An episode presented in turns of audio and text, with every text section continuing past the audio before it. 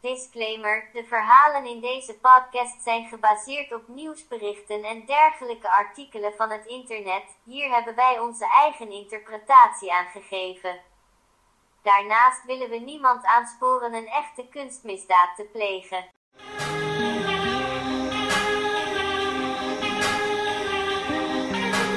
Arts and Crimes. Hallo, wat leuk dat je weer luistert naar een nieuwe aflevering. Je zit inmiddels in aflevering 5 deel 2 en hopelijk heb je alle afleveringen die hiervoor kwamen ook geluisterd. Ja, of op zijn minst aflevering 5 deel 1. Want Ja, anders precies. wordt dit misschien een beetje moeilijk te begrijpen. Nee, dan, dan is het misschien inderdaad. Ga dat nog even luisteren als je dat nog niet hebt gedaan. En kom dan terug naar deze aflevering. Maar even zonder grappen en grollen, hè. Wij zijn eh eh, Carlijn en, Rut, en wij maken de podcast Arts and Crimes. En we vinden het heel leuk dat jij weer luistert. En we hopen ook dat je onze Instagram een beetje in de gaten houdt. We hebben sinds kort ook Twitter. Ehm, er staat nu één tweet op, of twee misschien. Drie? ja, eigenlijk twee, maar eentje staat vastgezet. Dus, mm, maar ja, ja. misschien staan er straks meer. Who knows? Mhm. Ehm, ja, en we hebben ook een Facebookpagina, daar staat ook nog niks op. Want eh, ja, we hebben geen marketing gestudeerd. Nee, Maar, precies. dat, maar eh, dat komt nog wel goed. Dus dat gaat allemaal ja. super goed. daarnaast wil ik heel even een disclaimer geven. Oh, twee disclaimers. Eentje is dat, er, dat, ik, dat Rut en ik het weer opnemen via Skype. Wat dus inhoudt dat we allebei thuis zijn. En wat inhoudt dat bij mij eh, gebouwd wordt in het pand. Dus mocht je geluid horen, op welke manier dan ook, dan is het waarschijnlijk dat geluid. En dat is Los van onze stemmen dan natuurlijk. Ja, los van onze stemmen. Super irritant, maar ik kan er gewoon heel even niks aan doen. Ik heb al geschreeuwd, ik heb mijn titel laten zien. Nee, dat is een grapje, dat is niet waar. Sorry. Oh, not safe for work.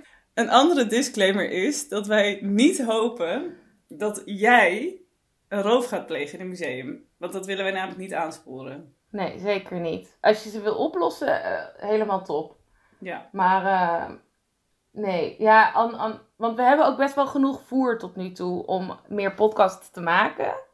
Dus het is niet nodig voor ons dat iemand van jullie dan een, eh, een, een roof gaat plegen. Want we hebben, we hebben al genoeg voer om nog heel veel podcasts over te maken.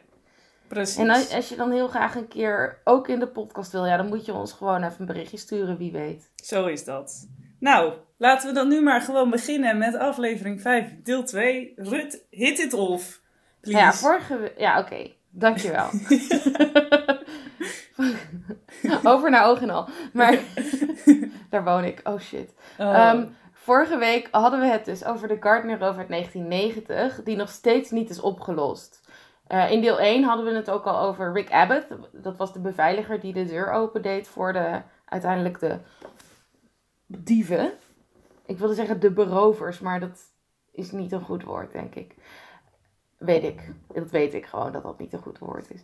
Ehm, eh, en die noemden we dus al als verdachte. Maar officieel is hij dus nooit als verdachte bestempeld. En in dit tweede deel van deze aflevering bespreken we alle, of ik hoop alle andere verdachte figuren in de zaak. Eh, dan wel verdacht, die dan wel verdacht zijn of worden of werden van het stelen van de schilderijen en de objecten. Of het opdracht geven tot het stelen. Of dat ze op zijn minst ooit hebben geweten waar, ze, waar de werken nu of ooit zijn geweest. Is dit nog duidelijk? Nee. Nee. Nou, hoe gaan we dat oplossen? Ehm, Het, ga, het, ga, het zijn dus gewoon mensen die verdacht zijn in welke vorm dan ook in deze Mooi. zaak. Er staat ook een fikse beloning op het, eh, op, de, op het terugvinden van de schilderijen, namelijk eh, nu 10 10 miljoen dollar en eerder was dat ook al 5 miljoen dollar. Eh, waar, waar zijn die schilderijen dan? Ja, dat weten dus de mannen waar we het nu over allemaal. Oh. Dat weten dan de mannen waar we het nu over gaan hebben, misschien wel. Waar dus al die schilderijen en dergelijke zijn. En we gaan het. Ja, heel veel maffia en zo. Echt. Yes. Yes. Nou, het eerste, het, het speelde zich dus af in Boston, hè. En daar eh, had je dus allemaal maffia-mannetjes en zo. En je had dus ook een andere georganiseerde criminaliteit. En dan had je dus ook onder andere Carmelo, Carmelo Merlino en Fat Richie. Ik ben En- degene die slecht is in namen, niet jij. Ja, Moet je nee, niet ik moet over het wel goed nemen. doen. Ik zit nu al te stressen over aankomende namen Oh, deze jee. podcast. Maar ehm, Carmelo Merlino en Fat Richie. En eh, daar gaan we het nu eerst over hebben. En Richie, of is dat zijn Nee, dat zijn naam? twee mannen. Oh, twee En, het, mannen. en vooral. Carmelo Merlino is erg verdacht in deze zaak. Oh, Oké, oké. Eh, ongeveer vier mijl van het Gardner Museum lag het bedrijf TRC Auto Electric. En dat was eigenlijk een soort front voor allerlei criminele activiteiten. Zoals eh drugsdeals en zo. Ja, Oh. de politie was hier wel heel erg bekend mee. En de man die dus leiding had van dit bedrijf was Carmelo Merlino. En die had dus ook maffiabanden en een heel lang strafblad. En hij was betrokken bij meerdere bankroven, cocaïne deals en noem maar op. En vaker, hij had wel vaker in de gevangenis gezeten. Was daar zelfs best populair. Als in hij kreeg een goede cel en zo, want hij was heel charismatisch. En eh, hij en zijn bedrijf werden heel zwaar in de gaten gehouden door de politie. En ook in de periode waarin de Gardner Heist plaatsvond. Maar het was altijd lastig om precies te weten wat er dan aan de hand was. Dus in 1992, dat is twee jaar na de roof, eh, had de politie op een gegeven moment genoeg bewijs verzameld om Carmelo en een aantal van zijn handlangers op te pakken voor cocaïnehandel. En toen bood eh, Carmelo, die dacht, ik bied jullie even een quid pro quo aan. Als jullie me nou niet te zwaar bestraffen, dan geef ik jullie een gestolen schilderij. Ja, ja, slim mannetje. Ja, nou de politie dacht meteen, shit, dat moeten we doen. Want, eh, ja, misschien is het wel een van de, van de schilderijen van de Gardnerroof. Maar het bleek een heel ander schilderij. Zeker niet van de heist dus, maar een portret van George Washington dat in 1985 een keer was gestolen uit een museum in Portland. En het was ook maar 5000 dollar waard. En dat is dus niks vergeleken met de waarde van de gestolen stukken van het Gardner-heist, die op dat moment op zo'n 200 miljoen werden geschat. Eh, maar rond 2000 bijvoorbeeld al op 500 miljoen. Dat is eh, money. En, eh, oh jezus. money, money, money! money! Ja, oké, plak daar maar gewoon op. Goed, Carmelo die ging toen dus gewoon de bak in. Eh, en in 1907, november 1997 Wanneer was jij geboren ook weer? Wat? Ja, nu wordt het oud. Wanneer jij ook weer geboren was, Ah. Oké, in november 1997, toen was ik al vijf, was Carmelo weer uit de gevangenis. En toen huurde hij een nieuwe kracht in, Anthony Romano, ook wel bekend als Tony. En hij was een stukje jonger en Carmelo kende Tony ook al een tijdje uit de gevangenis, maar ook daarbuiten. En Tony ging dus aan de slag voor hem, maar werd ondertussen ook informant voor de FBI. Ja, dat wist Carmelo dan dus niet, natuurlijk. En ehm, toen ging eh, hij kon de FBI vertellen dat het erop leek dat Carmelo wist, of op zijn minst dacht te weten, waar de gestolen schilderijen zich bevonden. Maar hij dacht ook dat het dan niet Carmelo was die dan schuldig was aan de roof, maar dus wel aan de schilderijen wilde komen, zodat hij de beloning kon krijgen. Ehm, en wie daarnaast, en daar kom ik zo op terug, maar wie daarnaast ook erg verdacht was, was Fat Richie. Dat is eigenlijk Richard Tchaikovsky. En hij is een geboren oplichter. En hij belde de FBI op een gegeven moment en toen zei hij dat hij de schilderij wel kon krijgen van Carmelo.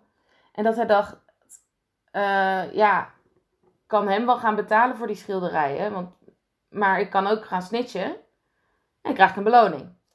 Zo gezegd, zo gedaan. Nou ja, hij kreeg de beloning niet, want eh, hij gaf dus op een gegeven moment in eh, 1998 bericht aan de FBI dat Carmelo van plan was de helft van de schilderijen terug te geven en de andere helft te houden als verzekering. En dat Carmelo eerder ook al een keer had verteld dat hij de Vermeer en de Rembrandt al in zijn bezit had. Dus FBI dacht, oké top, dan gaan wij nu naar Carmelo. Bieden we hem een quid pro quo aan. Eh, en dat quid pro quo, quid pro quo is dus eigenlijk zo'n deal, zoals de volgende. Eh, ze zouden hem immuniteit geven en in ruil voor de schilderijen. Maar ja, toen zegt Carmelo, ik heb die dingen helemaal niet. En met behulp van eh, Tony, die FBI-informant, hebben ze uiteindelijk uh, Carmelo en zijn handlangers op weten te pakken bij een overval op een ander autobedrijf. Uh, waar even tussendoor helaas duidelijk werd dat Tony de snitch was. Dus hij ging uiteindelijk met een witness protection programma naar Florida. En wat dus opmerkelijk is, is dat Carmelo deze overval heel zorgvuldig had gepland. Ten eerste wilde hij informatie van binnenin om er zeker van te zijn dat ze zonder te veel gedoe hun gang konden gaan. En hij had ook ervoor gezorgd dat ze wisten waar alle camera's hingen en hoe het alarmsysteem werkte. Hij liet een van zijn handlangers vermommingen kopen voor de overvallers en wilde de roof eigenlijk ook plegen tijdens de Super Bowl. Wat ook weer een dag of nacht is, eh, dag en, en nacht is. Waarop er veel dronken gepeupel uh, op straat hangt. En zo. En in de kroegen. Uh, en dat lijkt wel erg op de Gardner roof.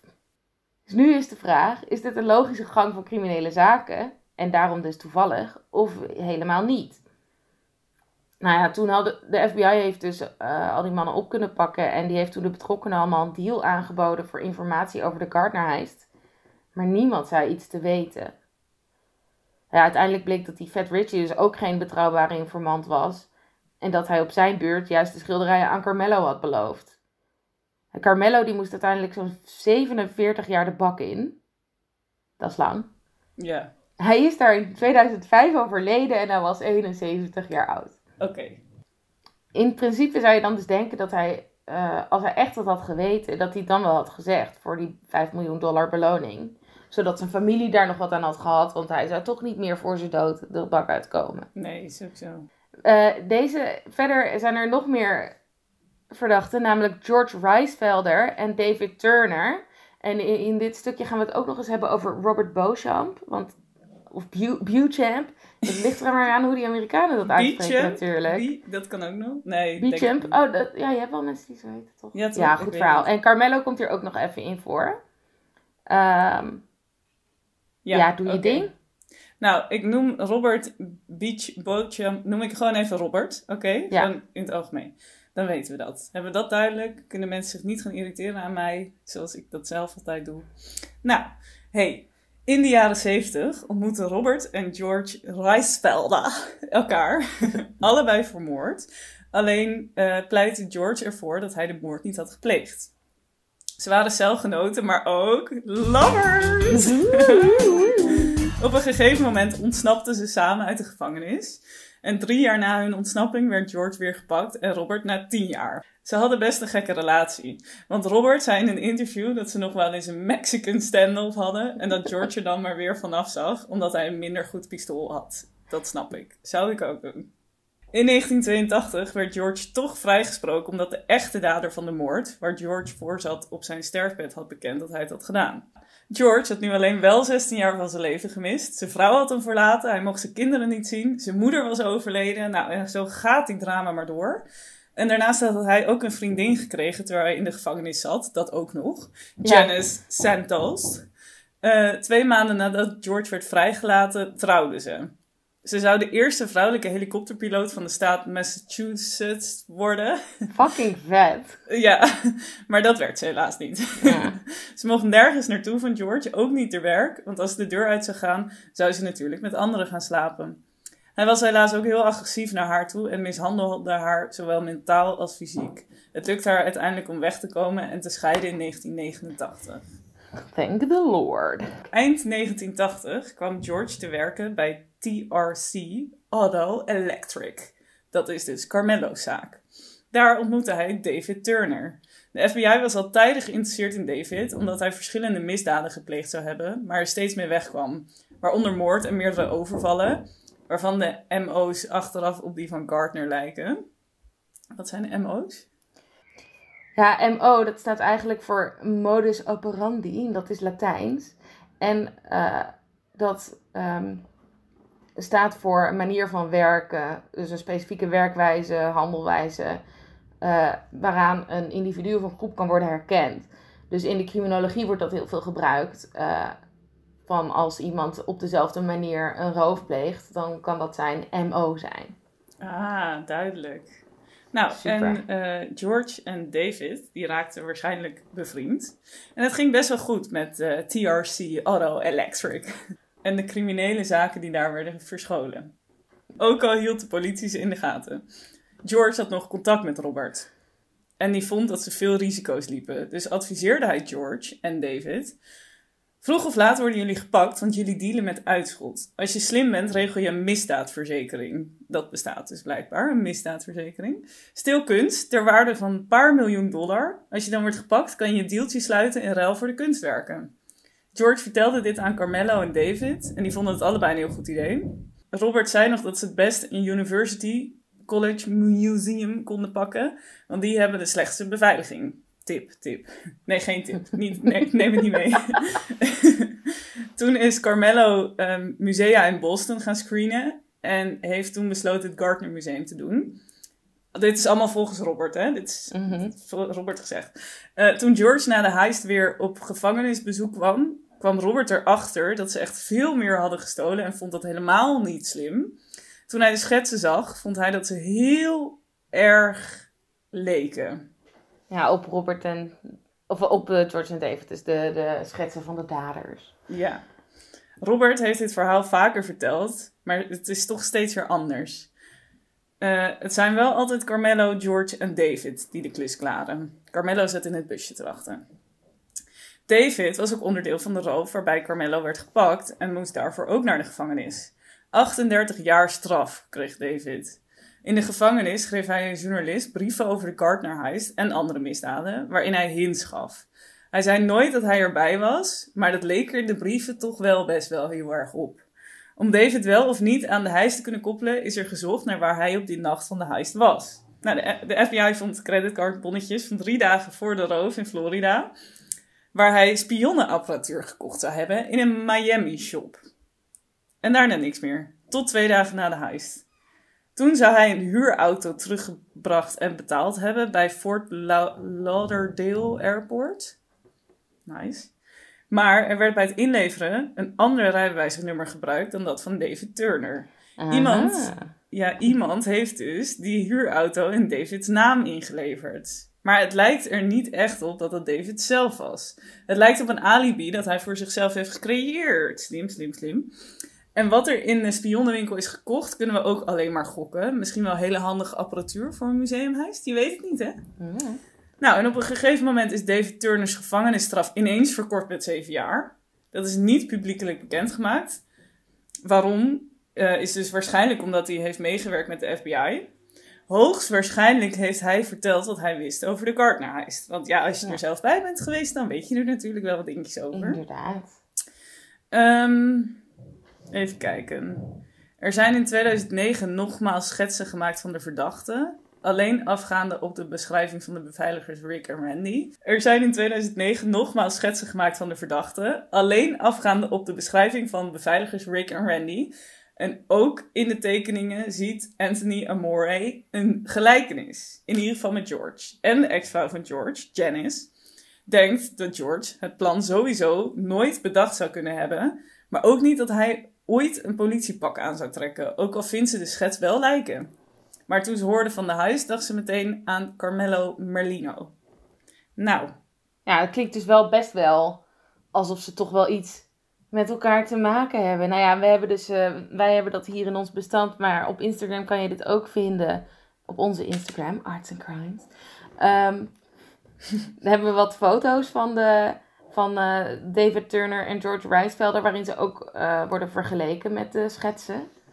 Ja, ik denk George lijkt wel, vooral George lijkt wel echt op die schets. Daar ben ik het ook wel mee eens. ja. Ja, David kan elk eh, Zou kunnen. mannetje met bol gezicht zijn. Ja. Maar die George lijkt inderdaad wel echt. Het is Ja, wel echt, die ook. schets ook. Dat is echt wel, ik vind het mooi gedaan. Ja, amazing. Mooi. Nou ja, George, eh, George Reisfelder is in 1991 overleden aan een overdosis coke op 51-jarige leeftijd. En een aantal jaar na zijn overlijden zocht zijn broer Richard Reisfelder, ik kan zijn achternaam niet normaal uitspreken, sorry, Ehm, contact met Anthony Amor om zijn broers naam te zuiveren. Anthony nodigde hem uit om afbeeldingen van de gestolen kunst te bekijken. Richard herkende helemaal niks. Totdat hij Shea Tortoni te zien kreeg als laatste. Hij schrok en was wel echt van streek, want dat schilderij herkende hij wel. uit het huis van zijn broer. Toen geloofde hij ook dat zijn broer het had gedaan. Richard bracht Anthony in contact met nog iemand die het schilderij had gezien ter bevestiging. Maar toen George's appartement werd doorzocht, werd de schilderij niet gevonden. Drugs, wapens en dat soort dingen, maar geen Manet. Zo kan je denken te weten wie hier de schuldigen zijn, kunnen zijn. Maar er zijn en waren nog veel meer verdachten. En wie zijn dat, Ruth? Ja, nou, er zijn bijvoorbeeld ook de mannen Miles Connor en Bobby Donati. Uh, ik wil trouwens ook zeggen, er zijn echt ik ben, wel vier verdachten die Robert of Bobby heten in deze ja. zaak, minstens. Het is echt... Heel verwarrend. Hele populaire naam. ja, voor uh, misdadigers, hè? Ja. Of verdachten, voor verdachten. Ja, inderdaad. Nou, we hebben ook weer foto's van Miles Connor en uh, Bobby Donati. Miles, die uh, wordt op de foto... De enige foto die ik van Miles heb kunnen vinden, voor zover ik weet... wordt die ja, opgepakt. Ik weet niet voor, waarvoor, maar voor een zaak. En Bobby Donati hebben we een mooie... ja, hoe heet dat? Van die politiefoto's van. Nou goed, Miles Connor, die uh, was uh, evenals uh, onze Rick Abbott een lekkere rocker. Hij had een rock-and-roll band genaamd The Wild Ones. Hij was zelf dus ook wel een wild one. Ondanks dat zijn vader politieagent was. Want Miles die werd een ras-echte beroepscrimineel. Met ervaring in het roven van kunst en Chinese vazen. Remember de gestolen Gu. Hij stal ooit een Rembrandt van uh, Boston's Museum of Fine Arts. Terwijl hij op afwachting van proces vrij was. En hoopte dan in ruil voor die Rembrandt een lichtere straf te krijgen. Voor weer een andere kunstroof die hij had gepleegd.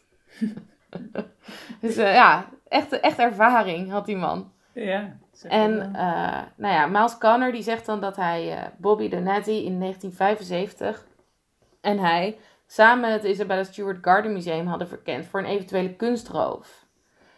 En uh, dat hij zich nog heel goed die duizenden jaren oude Chinese wijnbeker of vaas, de gu, nog kan herinneren. En ook een vergulde adelaar die Donetti heel mooi vond. Deze beide voorwerpen werden dus naast die elf kunstwerken ook gestolen uit in de roof van 1990. En dat lijkt wat te zeggen, want relatief zijn die objecten niet heel veel waard. Maar ten tijde van de roof zat Connor in de bak wegens drugshandel. Volgens hem hebben zijn vrienden Bobby Donetti en David Hafton en wellicht nog een vriend het gedaan. En ik denk dat Hafton de manier is hoe je dat uitspreekt, maar misschien is het wel Houghton of zo. Vraag maar ik denk. Ik nee, ik, denk gewoon Hafton. Ik zeg het gewoon. Uh, want Hafton, die kwam uh, dat nog vertellen aan Connor, zegt Connor. Uh, dat, hij, had verteld, hij was op bezoek gekomen in de gevangenis, denk ik. En uh, die uh, zij vertelde hem dat ze het allemaal, dat ze die roof hadden gepleegd, zodat er onderhandeld kon worden over de straf van, van Miles Connor. En dat de Gu een cadeautje was voor hem. En die adelaars was, hadden ze gestolen als een souvenirtje voor Bobby. En uh, daarnaast moet ik wel zeggen dat die David, die had dan uh, in de auto moeten zitten, want die, lijkt, uh, die zou helemaal niet geleken hebben op de omschrijvingen. Maar als zij dus inderdaad die roof hebben gepleegd, is, het, is dat hele plan helaas niet, of nou ja, helaas, niet helemaal voltooid. Want Bobby en David hebben allebei het loodje gelegd. het jaar na de Gardner heist. Bobby die werd gevonden in zijn eigen kofferbak vermoord naar aanleiding van een gang war. En de, David, David, die overleed aan een hartaanval, helaas. Ja. Nou. Ja, nou, nou de, dit was het nog niet. Uh, volgende verdachte, Brian McDavid. Brian um, McDavid. Mooi, goede naam. Take it away, zou ik zeggen, Nou, Brian McDavid uh, was ook een verdachte.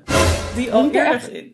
Uh, God, dan ga ik je onderbreken. Maar kijk hoe artsy hij eruit ziet. Ja, hij ziet er echt uit als een hipster. Ja. Een artsy hipster. Ja, uit de jaren negentig. Ja, precies. Okay, sorry. Dus geen hipster eigenlijk. ja. ja. nou ja, goed. Brian McDavid was ook een verdachte die al eerder geïnteresseerd was in het roven van kunst. In de jaren tachtig was hij ook al eens opgepakt voor een poging tot diefstal uit een museum. Dat is wel een grappig verhaal, maar dat is voor later. Vertellen we dan een keertje wel. Misschien een bonusaflevering of zo. Inderdaad. Ehm, in 1990 was hij op vrije voet en woonde hij in Boston. Hij had een verloofde, Stephanie Rabinowitz. Tegen haar zei hij dat hij een schrijver was. Dat was dus niet echt zo hoor. En eh, drie dagen voor de Gardner Heist zei hij dat hij naar de Writers Guild Award ceremonie in New York City was. Nou, hoe bedenk je het? Eh, lekker specifiek. Stephanie hield een dagboek bij en daarin is nog te lezen dat ze vond dat hij zich van de dag van de roof, dat hij zich op de dag van de roof raar gedroeg aan de telefoon. Nerveus en niet echt als zichzelf. Eh, ze hoorde een paar dagen later pas weer van hem en toen was hij weer normaal. Of beter, wel zelfs nicer, voordat hij wegging. Na nog wat gedoe kwam het wel uit dat hij verdacht was en vroeg hij Stephanie of ze zijn alibi wilde zijn. Maar ze ging niet liegen tegen de FBI natuurlijk. Dus hij had geen alibi.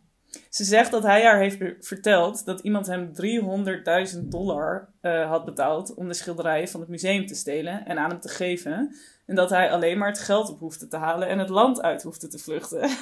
en zich nooit meer ergens zorgen over hoefde te maken. Nou, dat klinkt echt als een heel goed plan. Ja, inderdaad. En hij vroeg of ze meeging, maar dat ging mooi niet door. En daarna heeft ze hem nooit meer gezien. Echt een goody two-shoes hoor, die Stephanie. Ja. nou, dit is ook wel echt ghost uh, to the next level, hè? Ja.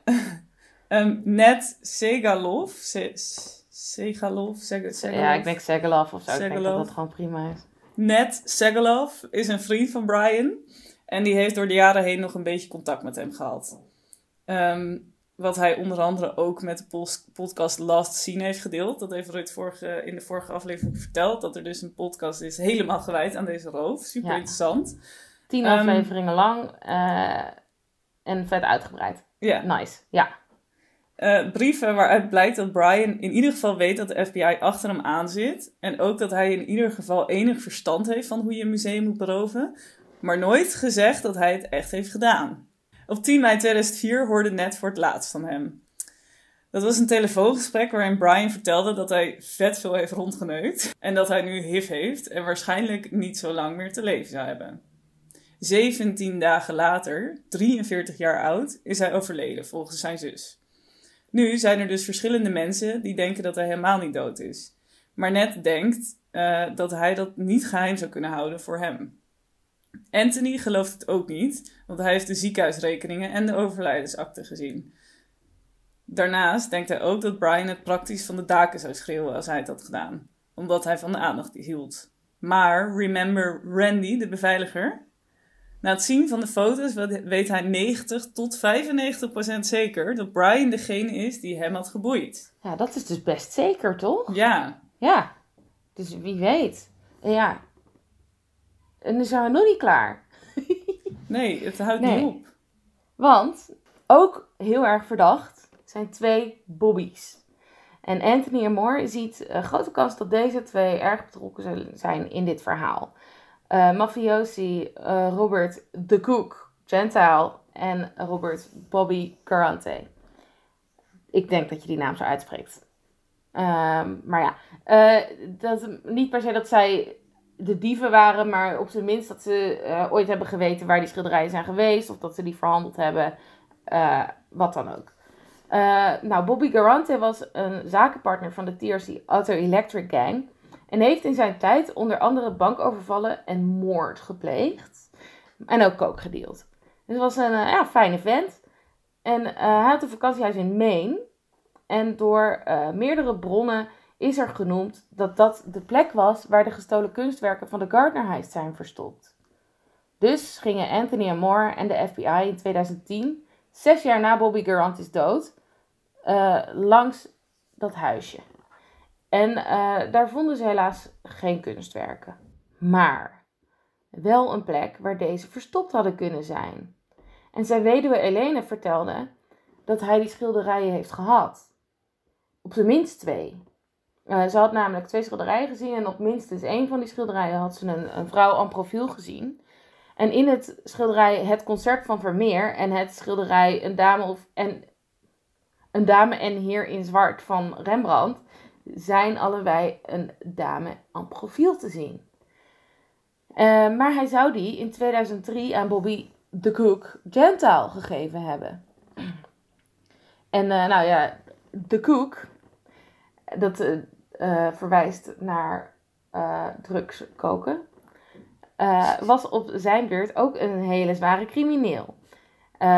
Maar er was geen bewijs dat hij die schilderijen had gekregen, eh, los van dat die vrouw van Garante dat dus had gezegd. En eh, toen wilden ze hem ondervragen, maar dat ging allemaal niet zo soepel. En uiteindelijk hebben ze via een informant met een microfoontje hem horen zeggen dat eh Gentile de mastermind achter de roof zou zijn geweest. En dat hij precies wist waar de kunst was. Dankzij de informant konden ze hem op een gegeven moment pakken door, door iets anders. Namelijk, eh Gentile eh, had hem zijn eigen voorgeschreven medicijnen eh, gegeven of zo. Dus ze hadden hem gepakt en hoopten dat dan te kunnen gebruiken om hem te laten praten over de Gardnerroof. Zijn huis in Connecticut werd ook doorzocht door de politie. En er werd van alles gevonden, onder andere geweren, ammunitie, explosieven en heel veel geld. Maar ook een paar politiepetten en handboeien. Ja. En als- Ja, en als dat al niet verdacht klinkt, moet je dit eens horen. Ze vonden ook eh, de Boston Globe, dat is een krant, van de dag dat het nieuws over de Gardnerroof naar buiten kwam. En wat zat daar ingewikkeld? Een stuk papier met daarop alle kunstwerken en de, daarbij de bedragen die ze zouden kunnen opbrengen op de zwarte markt. Ja. Is dat toeval? Nou, En is, dat, toeval? Is dat een soort boodschappenlijstje of een inventaris? Weet je wel? Dat weten we natuurlijk niet. Nee. Maar hè, het is wel, eh, ja, maakt erg verdacht natuurlijk. En in dat schuurtje bij het huis vonden ze ineens ook nog eens een geheime opbergplek. Met een soort grote plastic bak. Maar daar zat niks meer in. Het was, even span- het was even spannend, hè? Maar er zat gewoon helemaal Ja. niks in. Ja. Misschien heeft het er ooit in gezeten, misschien niet. Er zijn geen resten gevonden, dus no one knows. Hm. Eh, maar goed. Gentile die werd onderhand in zijn 70er jaren vet verdacht. Maar bleef maar volhouden niet te willen praten of niks te weten zelfs. En eh, ging dus eh, weer een paar jaartjes de bak in, nog voordat die, hij die informant eh, zijn eigen medicijn drugs had aangeboden.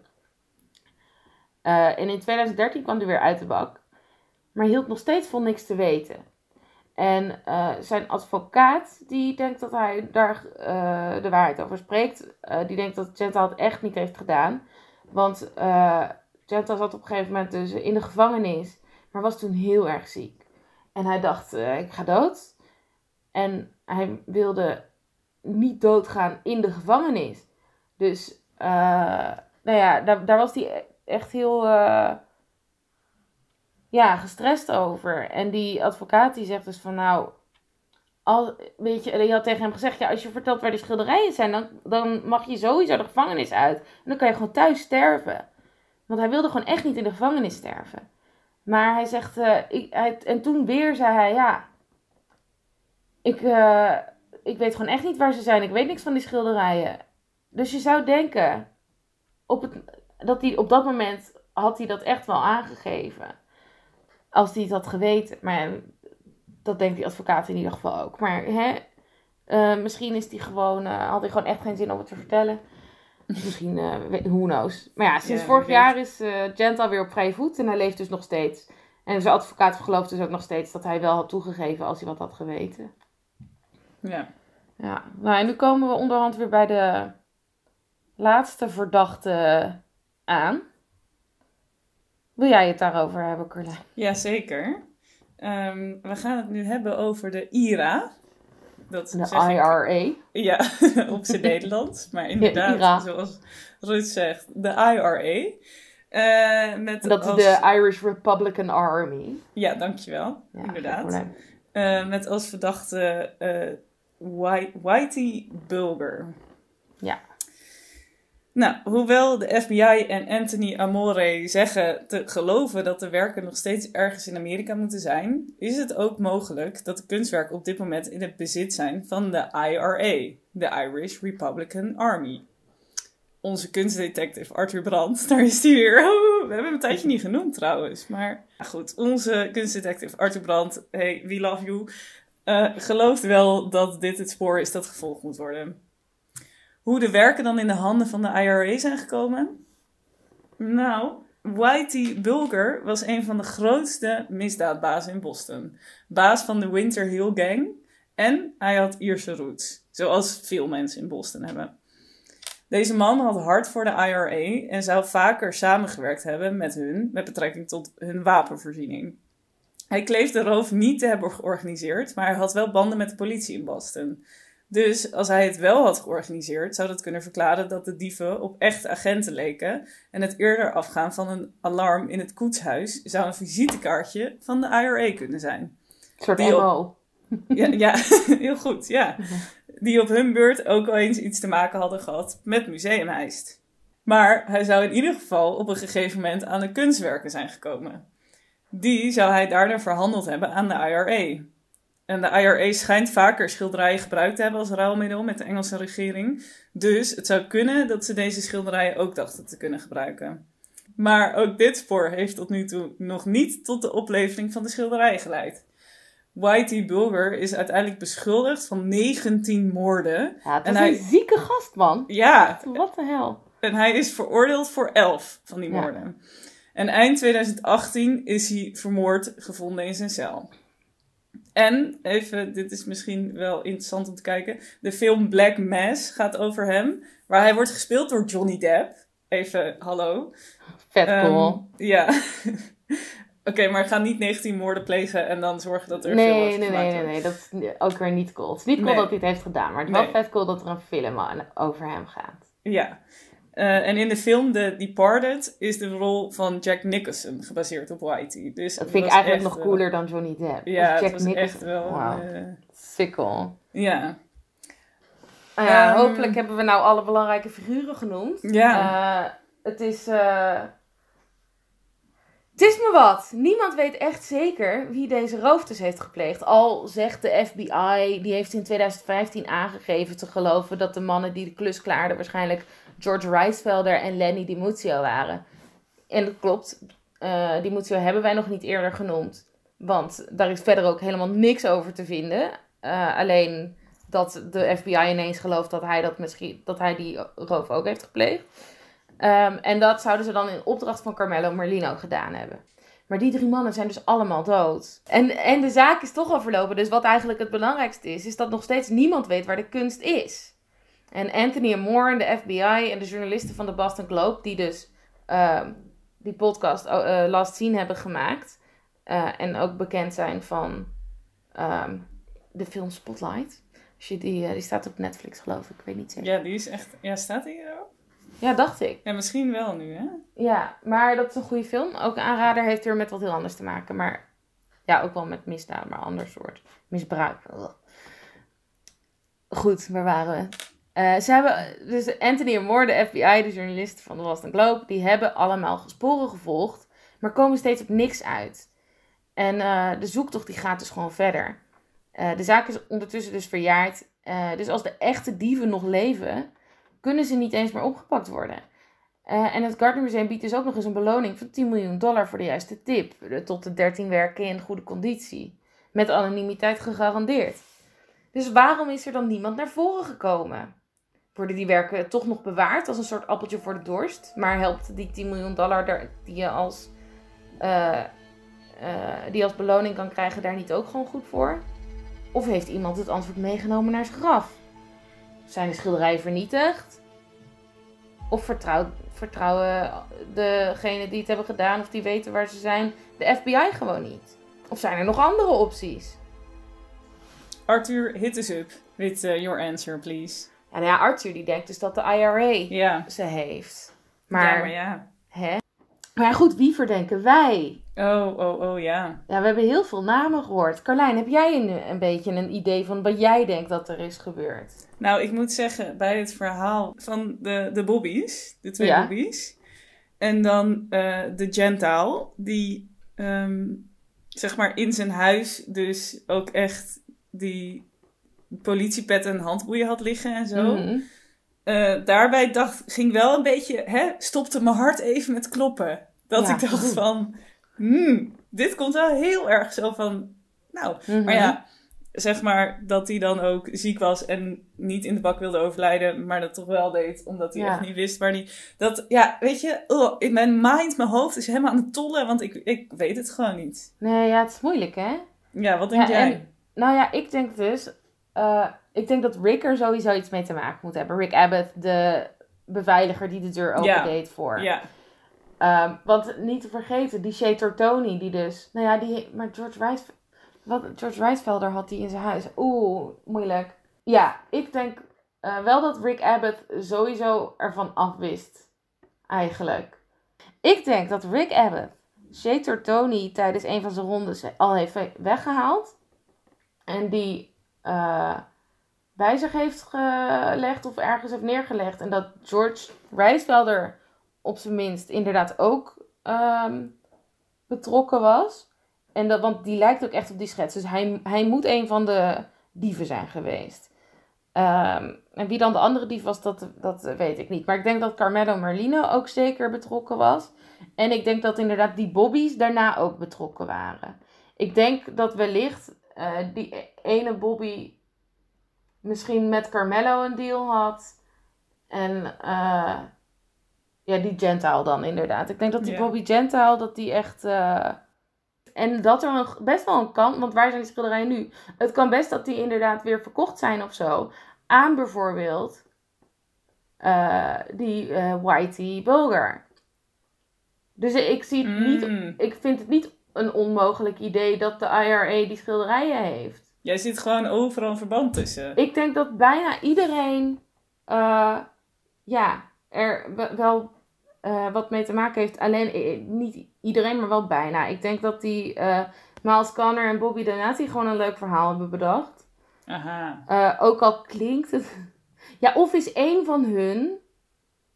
Oké, nog één ding. Misschien dat één van hun ook met Rijsvelder die roof heeft gepleegd. En daarom dus die Gu en die dingen mee Ah. heeft genomen. Dat zou denk ik Ja. ook kunnen. Maar wie ik denk dat er niet bij betrokken is, is Brian McDavid. Ik denk dat hij gewoon aan het liegen is. Oké. En Nou. eh, dat is, eh, daar stoppen mijn verdenkingen. Ja. En wat denk jij? Laat het even achter op onze Instagram. Oh ja, Of leuk. Reageer Twitter, ergens op Twitter mailtje. of Facebook of een mail Ja. of, of Instagram.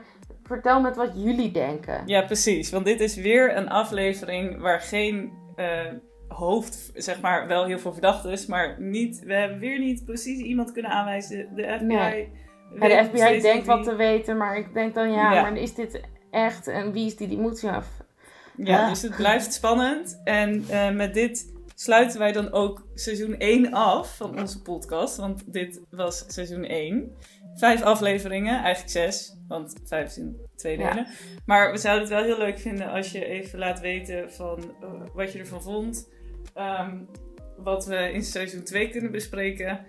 En heb je nog tips of zoiets? Ehm, en eh, Arthur, eh, ja, we love you. Weet je, ik kan het niet vaak genoeg zeggen.